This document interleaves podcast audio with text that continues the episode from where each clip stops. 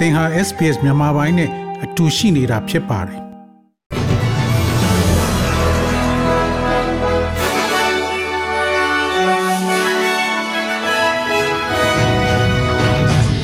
မေလ21ရက်နေ့အတွက်ထိတန်ရောက်နေတဲ့သတင်းတွေကတော့ဩစတြေးလျမှာဒီကနေ့ရွေးကောက်ပွဲကျင်းပပြီးစီးသွားလို့မဲတွေရည်တွက်နေစေဖြစ်နေသေးတဲ့အကြောင်းမာရီပိုမြို့တိုက်ပွဲမှာရုရှားဘက်ကထိန်းချုပ်နိုင်သွားပြီလို့ရုရှားကကြေညာလိုက်တဲ့အကြောင်းနဲ့ ဥရောပသမဂ္ဂ EU ကမြန်မာနဲ့ဘင်္ဂလားဒေ့ရှ်နိုင်ငံတို့အတွက်ယူရိုငွေ22တန်းထပ်မံကူညီမဲ့အကြောင်းတွေအပြင်တခြားထူးခြားတဲ့သတင်းတွေကိုလည်းနားဆင်ရမှာဖြစ်ပါတယ်ရှင်။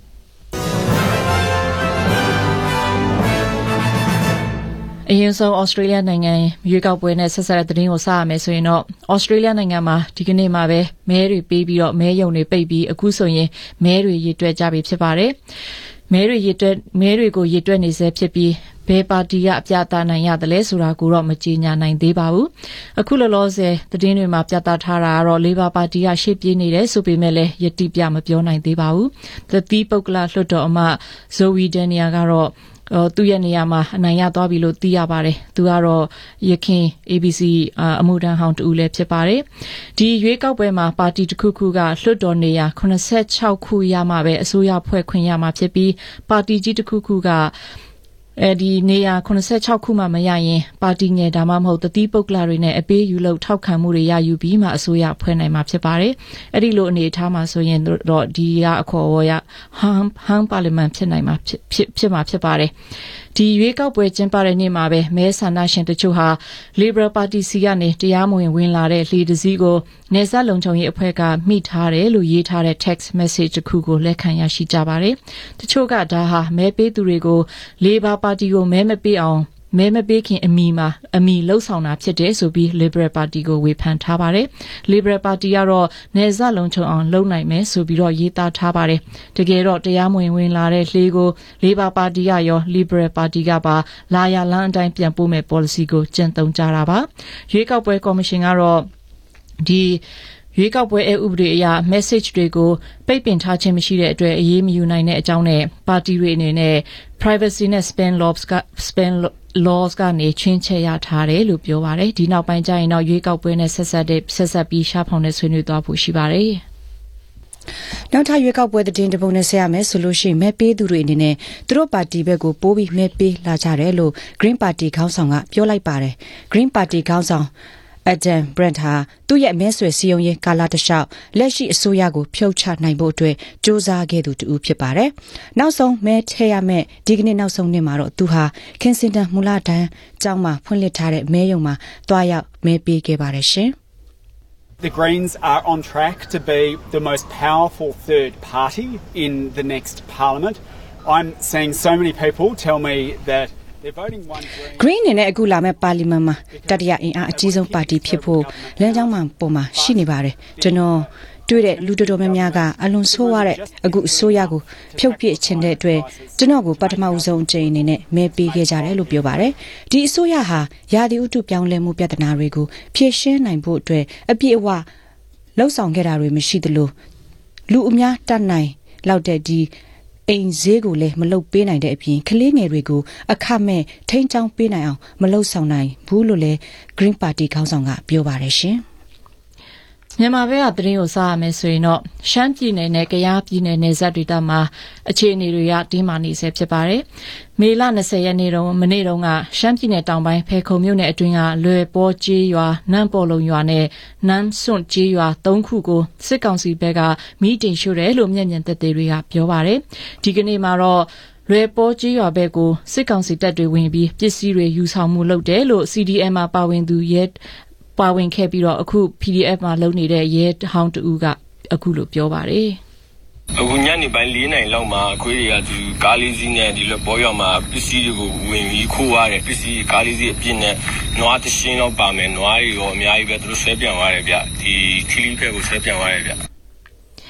မကြခင်ဒီလွန်ခဲ့တဲ့ရက်ပိုင်းတုန်းကပဲစစ်ကောင်စီတပ်တွေဟာအနီးအနားကဆောင်းနှန်းကဲကျွရွာကိုလည်းမီးတင်ရှို့မှုလုပ်ခဲ့တယ်လို့ပြောဆိုထားပါတယ်။အဲဒါပေမဲ့စစ်ကောင်စီဘက်ကတော့အဲ့ဒီရွာကို PDF ဘက်ကမီးတင်ရှို့ခဲ့တာလို့ဟိုမြန်မာအလင်းသတင်းမှာဖော်ပြထားတာရှိပါတယ်။အခုလောလောဆယ်ရိုက်ကော်ဘက်ကနေဟိုထိုးစစ်ဆင်ဖို့အတွက်ပြင်ဆင်မှုတွေလုပ်နေတယ်လို့သိရပြီးအဲ့ဒီဟိုအဲ့ဒီလွယ်ကော်ဘဲကနေဝင်လာတဲ့စစ်ကြောင်းတွေမှာတင့်ကားတွေလည်းပါတယ်ဆိုပြီးတော့ PDF အဖွဲ့တွေကပြောပါတယ် နောက်ထပ်မြန်မာသတင်းတစ်ပုဒ်နဲ့ဆက်ရမယ်ဆိုလို့ရှိရင်မြန်မာနဲ့ဒီဘင်္ဂလားဒေ့ရှ်နိုင်ငံမှာရှိတဲ့ဒုက္ခသည်တွေကိုကူညီဖို့အတွက် EU ဥရောပသမဂ္ဂကယူရိုငွေ22သန်းထပ်မံထောက်ပံ့ကူညီပေးသွားမယ်လို့အဖွဲ့ရဲ့ကြေညာချက်ထဲမှာဖော်ပြထားပါတယ်။အခုထောက်ပံ့ငွေတွေဟာမြန်မာနိုင်ငံကနေဘင်္ဂလားဒေ့ရှ်နိုင်ငံတဲကိုတိမ့်နဲ့ချီရောက်ရှိနေကြတဲ့ရိုဟင်ဂျာဒုက္ခသည်တွေနဲ့လက်လက်ခံထားရှိတဲ့အိမ်ရှင်ဘင်္ဂလားဒေ့ရှ်နိုင်ငံအတွက် ကူညီသွားမဲ့အပြင်ရိုဟင်ဂျာနဲ့မြန်မာနိုင်ငံအတွင်းရှိတခြားပြည်ပခါကြောင့်ဒုက္ခရောက်နေကြတဲ့သူတွေအတွက်လည်းပါဝင်တယ်လို့အဖွဲ့ရဲ့သတင်းထုတ်ပြန်ချက်တွေမှာဖော်ပြထားပါတယ်။ကပ်ဘေးဆိုင်ရာစီမံခန့်ခွဲသူကော်မရှင်နာအရာရှိယနေလနာချီကဒီရိုဟင်ဂျာပြဿနာဟာမကြုံစဖူးတဲ့အတိုင်းအဆအထိကိုရောက်ရှိနေပြီးလိုအပ်နေတဲ့လူသားချင်းစာနာထောက်ထားမှုအကူအညီတွေကိုဖြည့်ရှင်းနိုင်ဖို့အတွက်နိုင်ငံတကာရဲ့စီးလုံးညီညွတ်မှုထောက်ပံ့ကူညီမှုတွေမဖြစ်မနေပေးသွားဖို့လိုအပ်တယ်လို့ပြောပါတယ်။ အခုထပ်မံပေးအပ်မဲ့လူသားချင်းစာနာထောက်ထားတဲ့အကူအညီနဲ့လူသားချင်းစာနာထောက်ထားတဲ့အကူအညီဆိုင်ရာဒီ EU ဥရောပ EU ဥရောပသမဂ္ဂအနေနဲ့ဘင်္ဂလားဒေ့ရှ်ကိုယခုနှစ်အတွင်းပေးတဲ့ထောက်ပံ့ကူညီမှုတွေဟာယူရိုငွေ40တန်းအထိရှိပြီဖြစ်ပါတယ်။လက်ရှိမှာတော့ဘင်္ဂလားဒေ့ရှ်နိုင်ငံအတွင်းမှာရိုဟင်ဂျာဒုက္ခသည်9သိန်း1000ကျော်ရှိနေပါတယ်။မြန်မာနိုင်ငံအတွက်ပေးတဲ့ EU ရဲ့လူသားချင်းစာနာထောက်ထားမှုအကူအညီကတော့အခုဆိုရင်ယူရိုငွေ28တန်းကျော်ရှိပြီဖြစ်ပါတယ်ရှင်။ ဩစတြေးလျဘက်ကသတင်းမှာတော့ကျန်းမာရေးအာဏာပိုင်တွေကဩစတြေးလျနိုင်ငံမှာ monkeypox virus ကူးစက်ခံရသူ2ဦးရှိပြီလို့အတည်ပြုပြောဆိုခဲ့ပါတယ်။ပထမဆုံးကူးစက်ခံရသူကတော့ Victoria ပြည်နယ်ကဖြစ်ပြီးသူဟာမကြာခင်ကမှ UK နိုင်ငံကနေပြန်ရောက်လာသူဖြစ်ပါတယ်။သူမှာအဲ့ဒီယောဂါကူးစက်ခံရကြောင်းအရင်ရက်ကမှသိရတာဖြစ်ပါတယ်။ New South Wales ပြည်နယ်မှာတော့အသက်40ဝန်းကျင်အရွယ်အမျိုးသားတဦးဥရောပကနေပြန်လာပြီးတဲ့နောက်အလားတူ virus ပိုးကူးစက်ခံရပါတယ်။ New South Wales တက္ကသိုလ်က ယောဂကူးစက်ပြန့်နှံ့ရေးဆိုင်ရာပညာရှင် Raina McIntyre ရဲ့အဆိုအရ monkeypox ယောဂါကိုအာဖရိကတိုက်မှာတွေ့ရလေရှိပေမဲ့အခုအခါမှာဥရောပဘက်ကိုဘလို့ကနေဘလို့ကူးစက်သွားတယ်လဲဆိုတာမသိရသေးဘူးလို့ပြောပါတယ်။တခါတရံယောဂါဖြစ်နေတဲ့ဒေသကိုတွားရောက်ခဲ့တဲ့လူတွေကနေယောဂါကူးစက်လာတာဖြစ်နိုင်ပြီးအခုဆိုရင် UK နိုင်ငံမှာကူးစက်ပြန့်နှံ့မှုဖြစ်နေပေမဲ့အများအားဖြင့် တခြားအမျိုးသားတူနဲ့လိန်ဆက်ဆံတဲ့အမျိုးသားတွေမှာပို့ဖြစ်များပေမဲ့လည်းတခြားလူတွေမှာလည်းဖြစ်နိုင်ပါတယ်ဘယ်လိုကနေဘယ်လိုကူးစက်မှန်းမသိရပေမဲ့အခုဆိုရင်မြောက်အမေရိကနဲ့ဥရောပတလွှားမှာကူးစက်မှုတွေဖြစ်နေကြတယ်လို့ပြောပါတယ်အဲ့ဒါအပြင်အီတလီဆွီဒင် UK စပိန်ပေါ်တူဂီနဲ့အမေရိကန်နိုင်ငံတို့မှာ monkeypox ကူးစက်မှုတွေတွေ့ရပြီးအများအားဖြင့်အဲ့ဒီယောဂါဟာအနောက်အာဖရိကဒေသမှာသာအဖြစ်များတဲ့ယောဂါဖြစ်ပါတယ် နိုင်ငံတကာသတင်းတပုတ်မှာတော့ရုရှားကာကွယ်ရေးဝန်ကြီးဌာနရဲ့အဆိုအရသူတို့အနေနဲ့ Mariupol မြို့အတွင်းက Azovstal စတီးစက်ရုံတဝိုက်မှာခုခံနေတဲ့ယူကရိန်းစစ်သားတွေလက်နက်ချလိုက်တဲ့အတွက်သူတို့အဲ့ဒီဒေသကိုလုံးဝထိန်းချုပ်နိုင်ပြီလို့ပြောပါတယ်။ယူကရိန်းသမ္မတကတော့သူတို့ရဲ့စစ်သားကိုအဲ့ဒီနေရာနေထွက်ခွာဖို့ရှင်းလင်းစွာအမိန့်ပေးခဲ့တယ်လို့ပြောပါတယ်။ Ну, є те, що є. На сьогодні а, рі- хлопці від військових отримали. Things are what they are.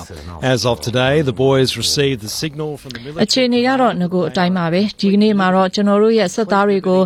သူတို့မှလွတ်လပ်စွာဆုံးဖြတ်ခွင့်ရှိတဲ့အကြောင်းသူတို့ရဲ့တပ်ကောင်းဆောင်ကပြောဆိုလိုက်ပြီးဖြစ်ပါတယ်သူတို့ရဲ့အသက်ဘေးကင်းလို့ရေးအတွက်သူတို့ကြိုက်တယ်လို့ထွက်ခွာနိုင်တယ်လို့ညွှန်ကြားထားတဲ့အကြောင်းပြောသွားခဲ့တာဖြစ်ပါတယ် Kharkiv ဒေသကိုရုရှားကဒုံးကျည်တွေနဲ့ပစ်ခတ်ခဲ့တာတွေနဲ့ဆက်ဆက်ပြီးတော့ဒါဟာနတ်ဆိုးရဲ့လှုပ်ရဖြစ်ပြီးရုရှားဟာ Donbas ဒေသကိုငရဲတွင်းကြီးဖြစ်အောင်လှုံ့ဆော်နေတယ်လို့ယူကရိန်းသမ္မတကပြောဆိုလိုက်ပါတယ်ရှင်။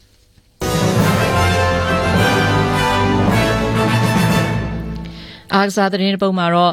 Australian Footy ဘောလုံးအားကစားသတင်းမှာဂျီလောင်းအသင်းဟာ Port Adelaide အသင်းကို82မှတ်48မှတ်နဲ့ဒီညနေပိုင်းမှာပဲအနိုင်ပိုင်သွားပြီဖြစ်ပါတယ်။ Geelong Cats အသင်းရဲ့နီးပြ Chris Goya ပွဲရဲ့ပထမပိုင်းမှာသူ့အသင်းသားတွေအန်ရရှိတဲ့နီးနဲ့ကစားပေမဲ့အနိုင်ရသွားတယ်လို့မှတ်ချက်ပြုခဲ့ပါတယ်။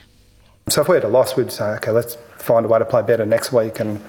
we're, we're very much in the mode where we're evolving. အကယ်လို့ကျွန်တော်တို့သာရှုံးနိမ့်ခဲ့မယ်ဆိုရင်နောက်တစ်ပတ်မှာပိုကောင်းအောင်ကစားနိုင်ဖို့ဘယ်လိုနည်းနဲ့လုပ်ကြမလဲဆိုတာကိုပြန်လည်ဆွေးနွေးကြရမှာဖြစ်ပါတယ်။ကျွန်တော်တို့ကကျွန်တော်တို့ကစားချင်တဲ့နည်းနဲ့စည်ရင်းမှာအပြောင်းအလဲတွေအများအားလှုပ်လေ့ရှိပါတယ်။အဲ့ဒီလိုစမ်းသပ်လုပ်ကင်တဲ့အခါမှာအဆင်မပြေမှုတွေရှိနိုင်တယ်ဆိုတာကိုမျှော်လင့်ထားပေမဲ့နောက်ဆုံးရလကကောင်းတဲ့အကြောင်းနောက်တစ်ပွဲမှာတော့အနိုင်ရဖို့အတွက်ဆက်လက်လှုပ်ဆောင်ရမယ်လို့ပြောသွားခဲ့ပါတယ်။ မနေ့ဖန်တင်းတွေနေ့အတွက်မိုးလေဝသသတင်းမှာတော့ Perth မြို့မှာမိုးရွာလေပြင်းနိုင်ပြီးအမြင့်ဆုံးပူချိန်24ဒီဂရီရှိချိန်မှာ Adelaide မှာလည်းအများအပြည့်နေတာပြီး21ဒီဂရီရှိမှာဖြစ်ပါတယ်။ Melbourne မြို့မှာတိမ်ထူပြီးအမြင့်ဆုံးပူချိန်14ဒီဂရီရှိချိန်မှာ Hobart မြို့မှာမွန်းလွဲနောက်ပိုင်းတိမ်ထူပြီးတော့14ဒီဂရီရှိမှာဖြစ်ပါတယ်။ Canberra မြို့မှာအများအပြည့်နေတာပြီးအမြင့်ဆုံးပူချိန်16ဒီဂရီရှိချိန်မှာ Sydney မြို့မှာမိုးရွာပြီးတော့28 20ဒီဂရီရှိမှာဖြစ်ပါတယ်။ Brisbane မြို့မှာမိုးရွာနိုင်ပြီး21ဒီဂရီရှိချိန်မှာ Darwin မြို့မှာတော့နေတာပြီးအမြင့်ဆုံးပူချိန်34ဒီဂရီရှိမှာဖြစ်ပါတယ်ရှင်။